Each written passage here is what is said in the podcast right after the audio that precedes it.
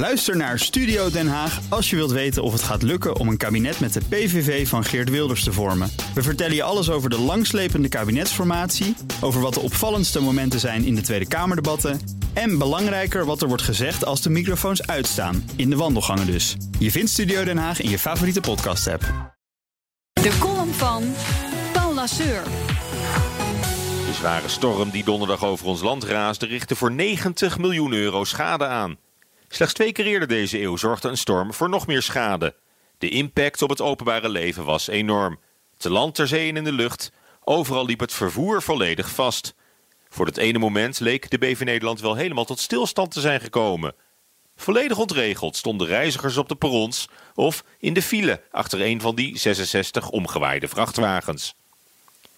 Dat heerlijke moment van collectieve ontreddering duurde helaas veel te kort.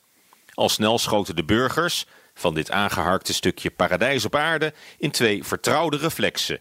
Eén, de roep om meer regels, die ons in de toekomst tegen dergelijk onheil moeten beschermen. En twee, het aanwijzen van schuldigen. Iemand die we verantwoordelijk kunnen houden voor de wantoestand en het ongemak waarin we plotseling verzeild zijn geraakt. Daarom kreeg premier Rutte bij de NOS de vraag hoe hij dacht een storm als dit voortaan onder controle te houden. En daarom ook speelde vakbond CNV meteen de zwarte piet naar werkgevers in het wegtransport. Die hun chauffeurs onder het motto geen gelul gewoon de weg op, massaal gedwongen zouden hebben te gaan rijden. Terwijl code rood was afgegeven. Onzin natuurlijk, want je doet er niets aan, zeker niet achteraf. Niet met meer regels en niet met extra maatregelen tegen truckers. Het is een storm, mensen. Een act of God. Shit happens nu eenmaal, wend er maar aan. Mijn adviezen zijn om dit soort catastrofale gebeurtenissen als samenleving zoveel mogelijk te omarmen. De ontwrichtende storm van donderdag was geen bedreiging, maar een kans. Een kans die gelukkig volop werd gegrepen. Door iedereen die zich door de wind liet wegblazen uit vastgeroeste patronen. Die door stormpooling alsnog de rit naar huis of naar het werk kon maken, in plaats van met de trein. Storm verbroederd, de solidariteit was groot.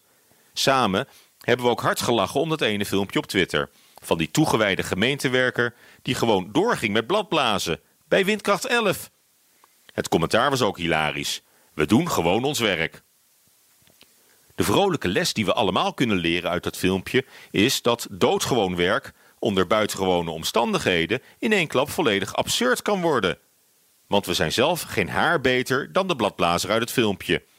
Weer of geen weer, elke dag opnieuw sluit de hele kudde achteraan in de file of op het perron we doen allemaal gewoon ons werk, zonder erbij na te denken. Zo'n storm zorgt dan tenminste nog even voor een frisse wind. Prettige maandag! Bij BNR ben je altijd als eerste op de hoogte van het laatste nieuws. Luister dagelijks live via internet. Bas van Werven. En heel langzaam komt de zon op rond dit tijdstip. Je krijgt inzicht in de dag die komt op BNR, het Binnenhof in Nederland en de rest van de wereld. De Ochtendspits. Voor de beste start van je werkdag. Blijf scherp en mis niets.